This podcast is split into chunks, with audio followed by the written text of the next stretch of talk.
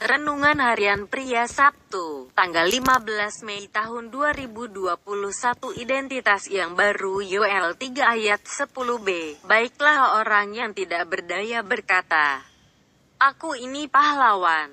Keadaan yang dialami oleh bangsa Israel pada waktu itu bisa membuat bangsa Israel merasa tidak berdaya untuk berperang melawan musuh-musuhnya.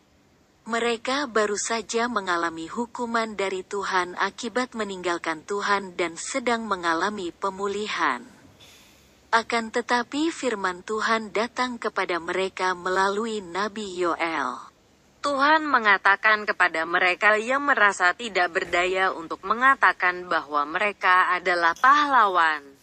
Setelah hubungan bangsa Israel dengan Tuhan dipulihkan, Tuhan juga memulihkan gambar diri atau identitas mereka. Dengan mereka mentaati perintah Tuhan untuk mengatakan kepada diri mereka sendiri bahwa mereka adalah pahlawan. Identitas diri mereka dipulihkan. Ketika hubungan kita dengan Tuhan dipulihkan, maka kita mempunyai identitas yang baru di dalam Tuhan. Dulu identitas kita adalah sebagai orang berdosa. Sekarang di dalam Kristus kita adalah orang-orang benar. Dulu identitas kita adalah budak dan hamba dosa, tetapi sekarang di dalam Kristus identitas kita adalah hamba-hamba kebenaran.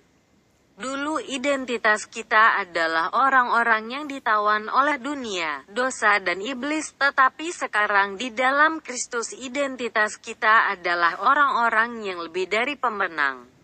Itulah identitas kita di dalam Kristus. Marilah kita hidup dengan identitas yang Tuhan berikan kepada kita.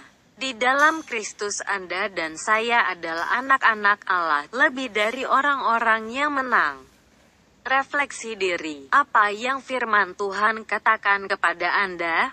Bagaimana kehidupan Anda dengan firman Tuhan itu?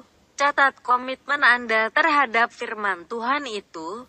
Doakan komitmen Anda itu, pengakuan imanku. Di dalam Kristus saya mempunyai identitas yang baru yang diberikan oleh Tuhan kepada saya.